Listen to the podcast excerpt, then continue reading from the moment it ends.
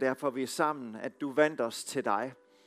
At du elsker os, at du ønsker os. At du ikke er ligeglad med os, men du er interesseret i os. Tak for dit nærvær den her dag, Gud. Tak fordi Jesus Kristus, du er til stede i det her lokale, og du er i stand til at kunne gøre vidunderlige ting. Tak fordi du kommer og møder os, mens vi er foran dig og ønsker bare at løfte dit navn op. Så kommer du og møder os, så kommer du og taler til os, så kommer du og bringer det, som vi har brug for i vores liv den her dag. Tak for din godhed. Vi elsker dig, Jesus. Tak fordi du har vundet os. Amen. Tusind tak. Skal vi give dem en hånd? Hold op. Det er bare så godt. Det er så godt at være hjemme. Vi har været en tur i øh, Lyngdal i Sydnorge. Sådan en kombination af tjeneste og øh, ferie. Jeg får lov til at prædike til deres leder, regionale ledersamling og i kirken i Lyngdal og haft en dag med deres medarbejdere deroppe. Og så har vi bare nyt øh, de norske fjelle. Er der nogle nordmænd, er der nogle norsk elsker herinde her i formiddag? Ja, der er mange. Det var helt kanon. Og det, der var lidt specielt for os, det var, at det var sådan, at første gang, vi, øh, vi nu skulle have vores øh, datters øh, kæreste med øh, på tur. Mathias Reinholdt hedder han, og vi tænkte lidt over det her, hvordan kan vi gøre det til en god oplevelse? Og så ved vi, at der er en gemt skjult fisker i ham, så vi tænker, at vi leger en båd, og så skal vi ud og fange fisk. Det må være sådan en god introduktion og en god oplevelse. Det var det også. Det var det også. Vi fangede makraller, masser af makraller. Så Mathias er en, en glad mand. Uh, lige til den uh, formiddag, inden vi skulle rejse, det var i går formiddags, hvor vi skulle ud og sejle den sidste gang. Og uh, jeg synes efterhånden, jeg har godt styr på den der båd der. Jeg, har, jeg er ikke søstærk, jeg har ikke ret meget styr på den ting. Men lige pludselig, så, var vi jo, så, så fiskede vi jo, og så slukkede jeg båden, og så skulle vi så starte den igen. Så kunne jeg bare ikke starte skidtet. Og, og jeg kunne se uh, på det der ekoløjet 40 meter, 20 meter, 10 meter mod den der klippe, og Mathias, han er meget mere søvand end mig. Han prøvede alle mulige forskellige ting.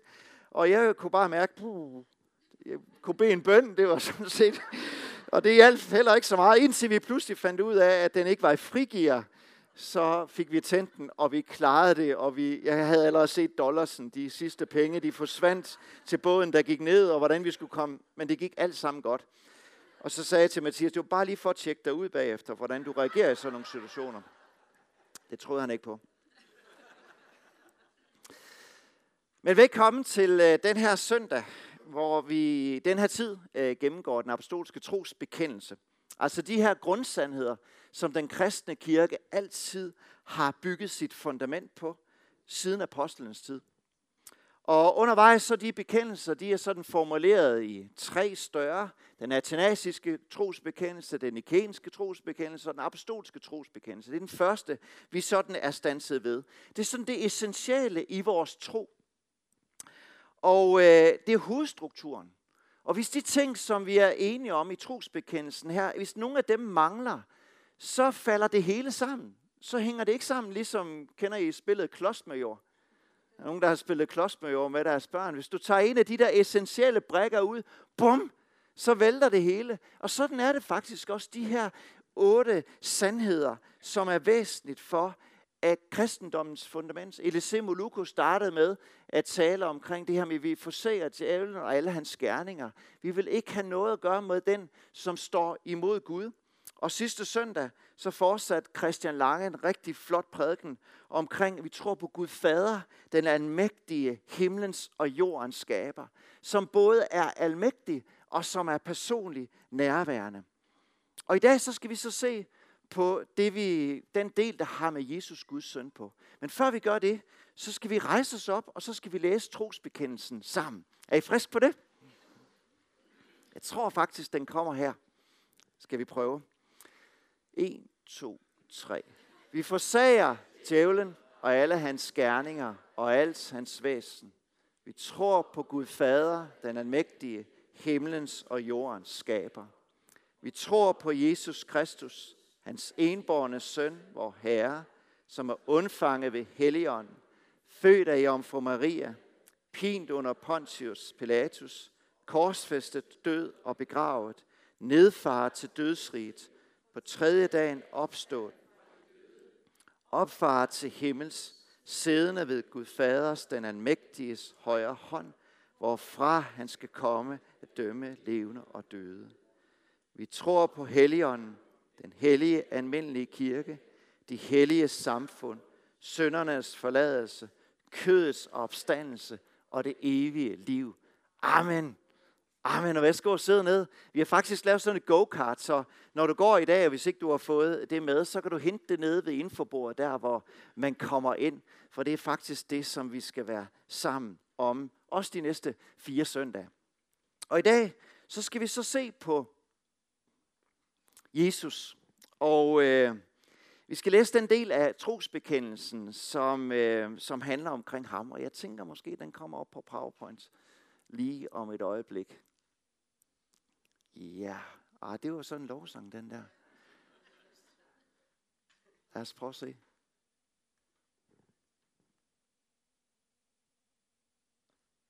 Der var den. Er I friske, så skal jeg nok se, om jeg kan klare den videre herfra. Vi tror på Jesus Kristus, hans enborne søn, vor Herre, som undfanget ved Helligånden, født af Jomfru Maria. Og det, jeg har som overskrift den her formiddag, Jesus, Guds søn, eller, for lige netop den trosartikel her, den voldte den tidligere kirke så store udfordringer at få på plads. Så meget at øh, kejser Konstantin, han indkaldte alle biskopper til kirkemøde i 325 i Nikea, det nuværende Tyrkiet, og der dukkede 318 biskopper op. Og så sagde han, nu skal I altså finde ud af, hvad er det, vi mener om Jesus? Hvad er det, vi tror på ham?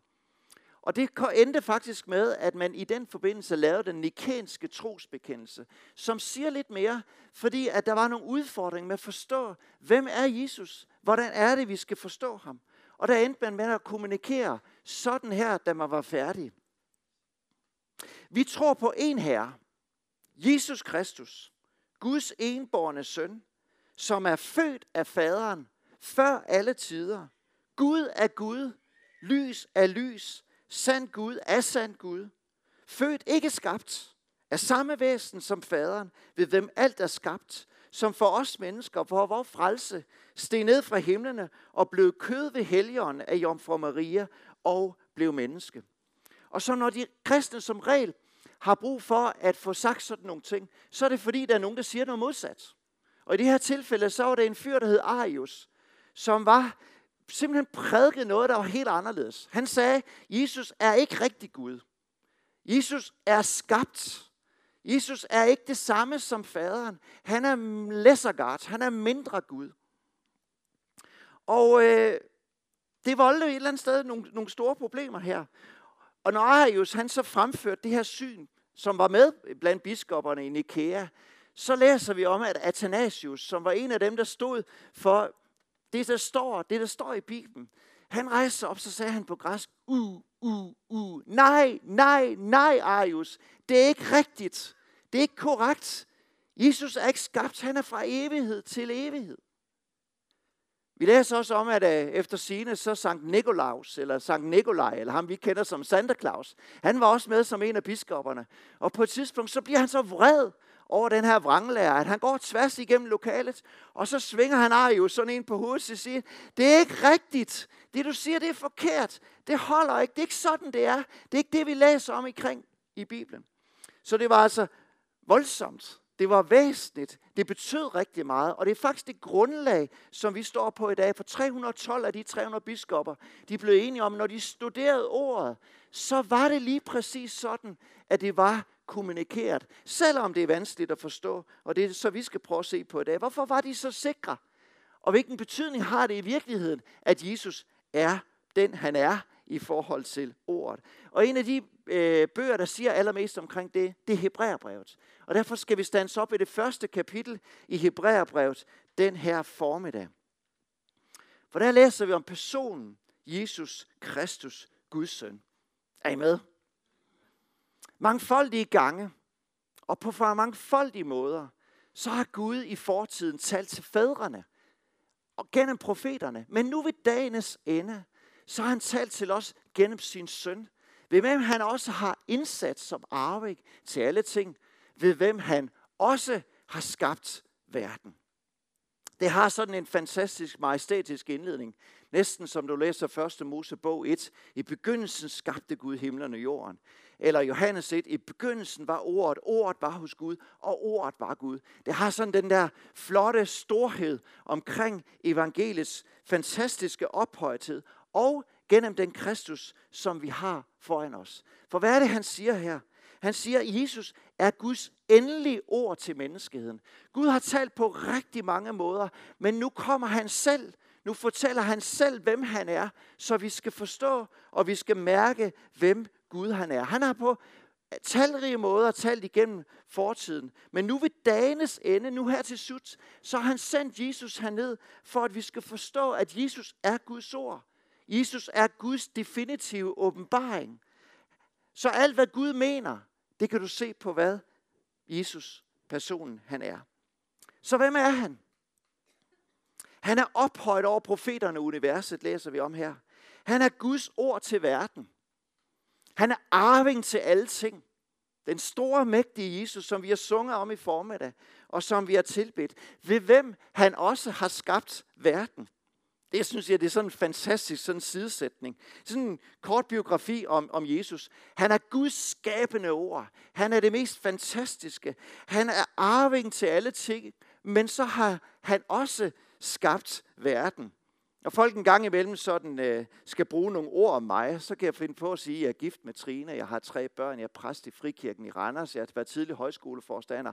Og hvis der så kommer sådan en sidebemærkning, så kan jeg finde på at sige, at jeg kan godt lide god vin, og jeg er AB-fan. Men prøv at lægge mærke til hans lille sidesætning til sidst. Jeg er den evige Gud, jeg har arving til alle ting, og så øvrigt har jeg lige skabt verden. Ja, det er det til at forstå. Det er da fantastisk. Det er bare den Jesus, vi tror på. Uden sidestykke. Almægtig Gud. Og så læser vi videre i vers 3, at han rent faktisk er lige Gud.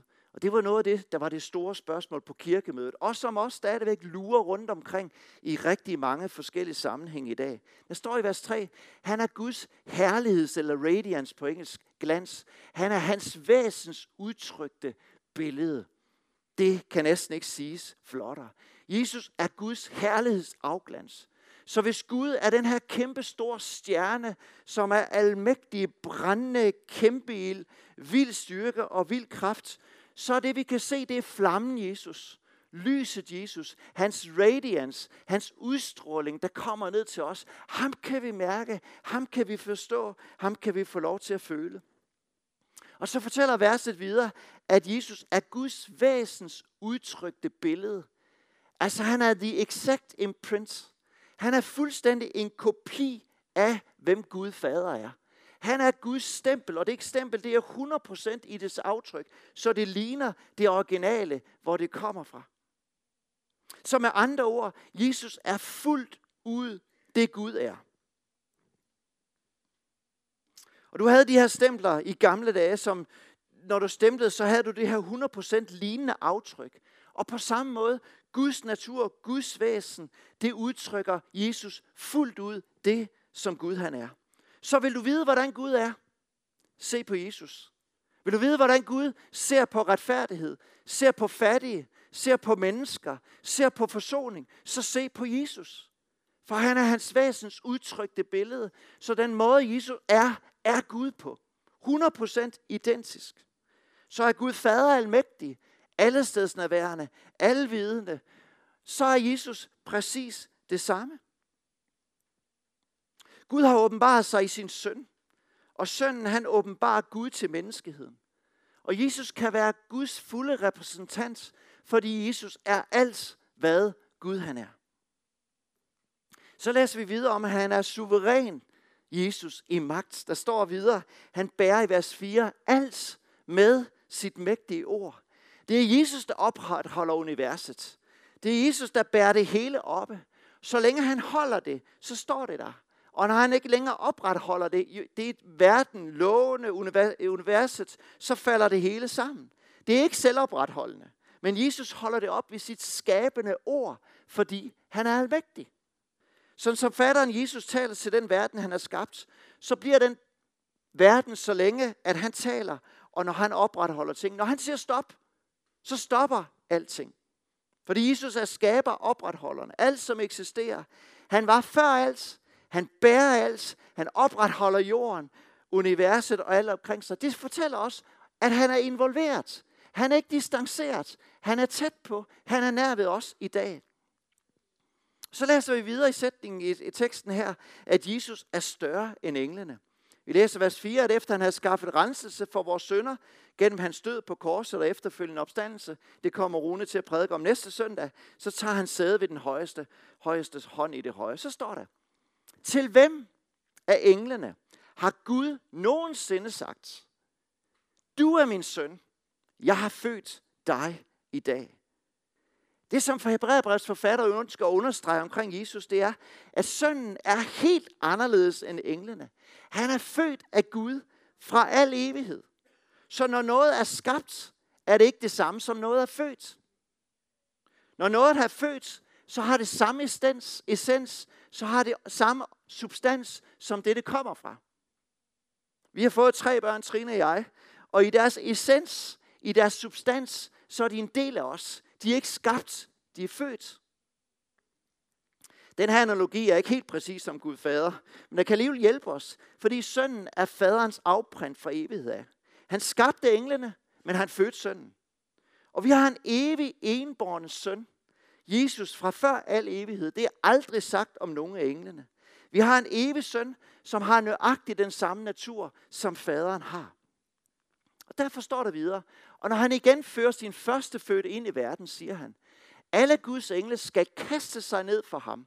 Og om englene hedder det, han gør sin engle til vinde og sine tjenere til en flammende ild. Det gjorde de i Bethlehem, og det har de i alt evighed gjort, for han er Gud af samme væsen. Englene er Guds tjenere, men sønnen er guddommelig som faderen og fortjener vores tilbedelse, fortjener vores ære. Og så kommer der en af de mest vidunderlige vers i det nye testamente, hvor Gud taler med Gud. Men til sønnen siger han, din trone Gud står til evig tid. Dit kongescepter er retfærdighedens scepter. Du elskede ret og havde uret. Derfor har Gud, din Gud, salvet dig med glædens olie frem for dine line.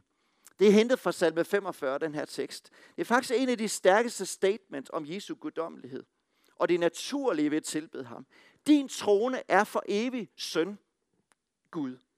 Så Gud siger til sønnen, som er Gud, din trone står for evigt.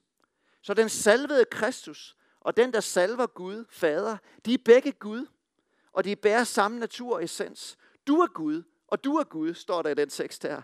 Og kun sådan giver den mening. Sådan vil det aldrig siges om englene, men om Gud, Jesus Kristus. Han er fra evighed. Han er guddommelig født og ikke skabt. Så står der slutligt.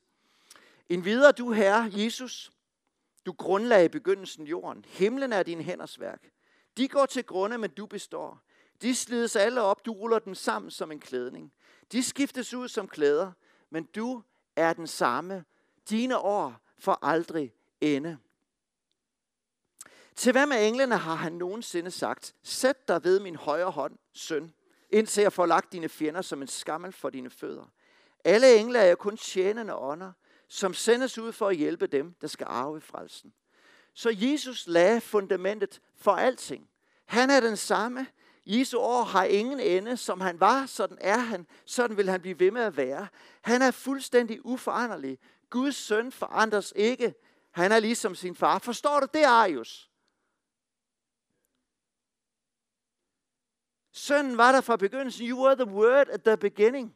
Du var der altid, Jesus. Alt forandres, som når du lægger dit tøj fra dig ved dagens afslutning. Men sønnen forandres aldrig, for han har samme natur som sin far. Fra evighed til evighed. Altid den samme. Ikke skabt, men født skaberen. Og nu sidder han her ved Guds faders højre hånd. Til alle fjender er lagt under hans fødder. Og du vil aldrig tale sådan om en engel, men kun om sin guddommelige søn. Til hvem af englene vil Gud sige det? Englene er tjenende ånder, men sønnen sidder ved majestæten, for han er majestæten. Gud vil lade alting underlægge sig sønnen, fordi han er fuldt ud guddommelig. Englene, de beskrives som Guds sendebud. De møder menneskenes behov. De er magtfulde. De er normalt usynlige for mennesker, men kan antage en synlig form og manifestere sig. Men hvad med Jesus? Han beskrives som før evighedens begyndelse. Det er naturligt for englene at tilbede Jesus. Han har en evig trone og et evigt rige. Han kaldes Gud. Han er salvet med glædens olie frem for sin lige. Han er Herren, han er skaberen, han er evig, han er uforanderlig. Og han sidder nu ved Guds højre hånd. Det er den Jesus, vi tror på. Er det rigtigt? Men ikke alene her i Hebræerbrevet, som er fantastisk. Det er fuldstændig samme billede, det finder du i Johannes evangeliet, de første vers. Her fortælles der om Jesus. I begyndelsen var Jesus hos Gud. Han var Gud. Alt er blevet til ved Jesus. I ham var liv, og livet var menneskenes lys. Sand Gud er sand Gud. Det lys, der kom med Gud til den her verden. Den verden, Guds søn selv har skabt, oplever, at når han kommer til verden, så genkender de ham ikke. Så Jesus 100% Gud, han bliver nu, når vi læser i trosbekendelsen, 100% menneske, fortæller Johannes i kapitel 1, vers 14. Han blev kød som en af os. Vi så hans herlighed, sagde apostlen Johannes. Vi så, hvordan Gud er i mennesket Jesus Kristus, født af Jomfru Maria. At den største, han valgte at blive den mindste. For at møde os, for at frelse os. Så meget elsker Gud os. Han var, sagde Johannes om Jesus, fuld af noget og fuld af sandhed. Som om den nu han altid har været, men nu fik vi lov at røre ham. Vi fik lov til at møde ham. Vi fik lov til at gå sammen med ham i de år, han vandrede på jorden. Men Gud kan jo ikke ophøre med at være Gud. Det kan godt være, at han aflagde sin guddomsærlighed og blev et menneske, træt, sulten, begrænset, fuldstændig som en af os. Men de, med de fodspor, han efterlod sig, det var jo stadigvæk Guds. Og det er et af de fantastiske under, vi ikke forstår med inkarnationen. 100% Gud og 100% menneske. Men fuldstændig afgørende for vores tro. For når Jesus dør på korset, så er det Guds blod, der dør, der flyder for os mennesker. Så meget elsker Gud os, at han gav os sin eneste søn for at dø på korset for vores skyld. Og så afslutter Johannes sin prolog med at sige, ingen kan se Gud, den enborne, som selv er Gud, og som nu er i faderens favn, kapitel 1, vers 18. Han er blevet Guds tolk. Og en tolk, det ved vi jo, der er også en her i formiddag. Han oversætter, så man kan forstå det, der bliver sagt. Så Jesus oversat Gud, så vi kan forstå ham. Så vi kan lære ham at kende. Så vi ved, hvordan Gud er. Fordi sådan Gud er, sådan er Jesus. Så den måde, Jesus, Guds evige søn, vandrede omkring på jorden, og alle de øjenvidende beretninger, vi finder i evangeliet, sådan er Gud i dag igennem sin søn Jesus. Derfor afslutter Johannes også sit evangelium med at sige sådan her. Jesus gjorde også mange andre tegn, som hans disciplene så. Dem er der ikke skrevet om i denne bog, for det Johannes han valgte syv. Men de her mirakler, de her tegn, de er skrevet, for at I skal tro. Og hvad skal I tro på? I skal tro på, at Jesus Kristus er Guds søn. Og når I tror på ham, så skal I have liv i hans navn. Så det, der giver adgang til fader, det er igennem troen på det, Jesus har bragt hos os, da han dør på korset. Så jeg skrev, for at I gennem de her tegn skal tro, at Jesus Kristus er Guds søn. I Kolossenserbrevet, der står det sådan her. I Jesus har vi forløsningen, søndernes forladelse. Han er den usynlige Guds billede. Han er al skabnings førstefødte. I ham blev alting skabt i himlen og på jorden, det usynlige og det usynlige, troner og hersker og magter og myndigheder. Ved ham og til ham er alting skabt, fordi han er forud for alt, og alt består ved ham. Det er den her Jesus, som vi tror på. Og det var den her i Nikea, de fik sat ord på. Det er sådan, det er. Det er det, I skal tro på. Det er fuldstændig afgørende for jeres tro, at I tror på en herre, Guds enborne søn, født af faderen før alle tider. Gud er ly, Gud er Gud, lys er lys, sand Gud er sand Gud. Født ikke skabt, af samme væsen som faderen, ved hvem alt er skabt. Som for os mennesker for vores frelse steg ned fra himlen og blev kød ved helgen af Jomfru Maria og blev menneske. Og i lidt mere kortfattet udgave, som vi har valgt her, altså den apostolske trosbekendelse. Vi tror på Jesus Kristus, hans enborne søn, vor Herre, undfanget ved helgen, født af Jomfru Maria. Men prøv at lægge mærke til, hvordan Jesus selv siger om sig selv i Johannes evangeliet. Før Abraham blev født, er jeg. Forestil dig et øjeblik, at du gik rundt omkring og mødte Jesus der. Og så siger han sådan til farisæerne, ja, det kan godt være, at, øh, at I tænker, at jeg er sådan født af, af, af Maria, og min far hedder Josef. Men før Abraham er født, er jeg til stede. Det er altså ham, vi er sammen omkring i dag. Så den her evige, majestætiske, suveræne, almægtige Gud, Jesus Kristus, han vælger i kærlighed at forlade sin herlighed, for at blive et menneske, for at frelse og forløse os.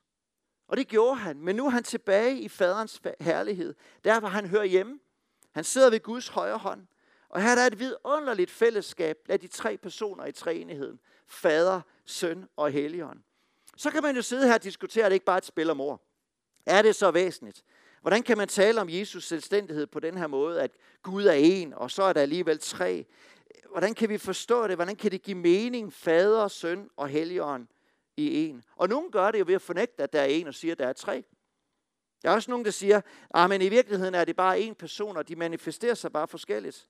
Og en Athanasius vil sige, u, u, u, det er ikke sandt, det er svært at forstå, men det er ikke sådan, det er. Det holder ikke på den her måde. Eller du kan gøre som Jehovas vidner, ved at fornægte det, vi har delt i dag, at sønnen er guddommelig, og Jesus og ånden er mindre guder, som også Arius gjorde. Og så kan du få gåden til at gå op på den her måde. Det er bare ikke kristendom, som vi læser i ordet. Og en måde at løse problemet, det er træenigheden, som stadigvæk ikke er fuldt ud forståeligt for os. Men det er bare en farlig vej at gå, at få teologien til at passe ind i vores synsninger. Så Jesus bliver formet efter vores hoved, i stedet for omvendt. Det kan blive vranglære. At gøre Jesus til noget andet, end det han er. At gøre Jesus mindre. Det former os. Han var skabt. Så trækker vi Jesus ned på et niveau, hvor han mister sin guddommelighed og gør Jesus til noget mindre.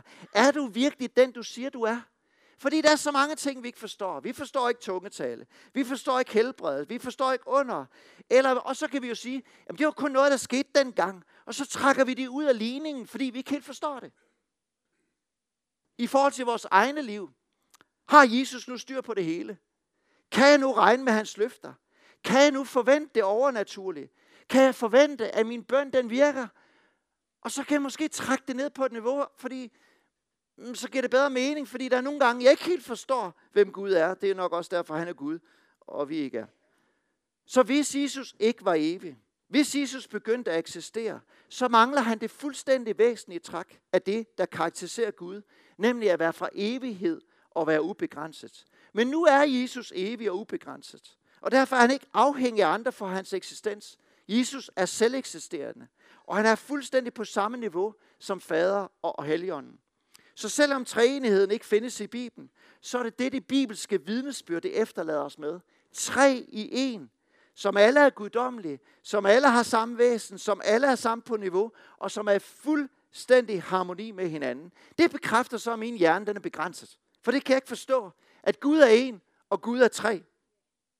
Men det er ikke leg, det er fuldt alvor, og det er grundlaget for vores tro. Og det er en bibelsk realitet. En Gud, tre personer, fader, søn og helligånd, og de er alle Gud. Ellers har du ikke en Jesus, som er fuldt ud Gud. Men så har du en lavere skabning, der kom for at redde dig. Og så holder det ligesom ikke det, vi får lov til at erfare i den kristne tro. Så det, at Jesus som fuld Gud blev fuldt mand, for at mine mennesker kunne blive fuldt ud et Guds barn. Og det gjorde Gud gennem hans Jesus, hans søns død på korset.